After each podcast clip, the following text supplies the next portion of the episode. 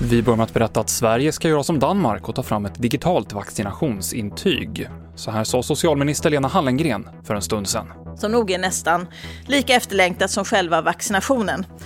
Ett kvitto på att du har fått de där sprutorna. Kanske en möjlighet att kunna resa utomlands på semester eller för att träffa en älskad släkting. Idag så kan man få ett utdrag ur sin sjukjournal om att man fått vaccin, men det är inget verifierat som funkar utomlands. Målet är att den här digitala lösningen ska finnas till sommaren. Minst 264 000 personer har fått en dos vaccin och man tror fortfarande att det går att erbjuda alla över 18 år vaccination före halvårsskiftet, det säger SKR. Det handlar om cirka 8,2 miljoner människor. Och i en ny rapport har den norska folkhälsomyndigheten kollat på hur mycket olika rekommendationer och restriktioner minskar smittspridning och hur mycket de påverkar folkhälsan negativt. Att till exempel stänga förskolor minskar bara smittan lite grann, men lägger en stor börda både på föräldrar och barn. Det gör det även om man minskar sociala kontakter, men då är effekten på smittspridningen stor. TV4-nyheterna med Mikael Klintevall.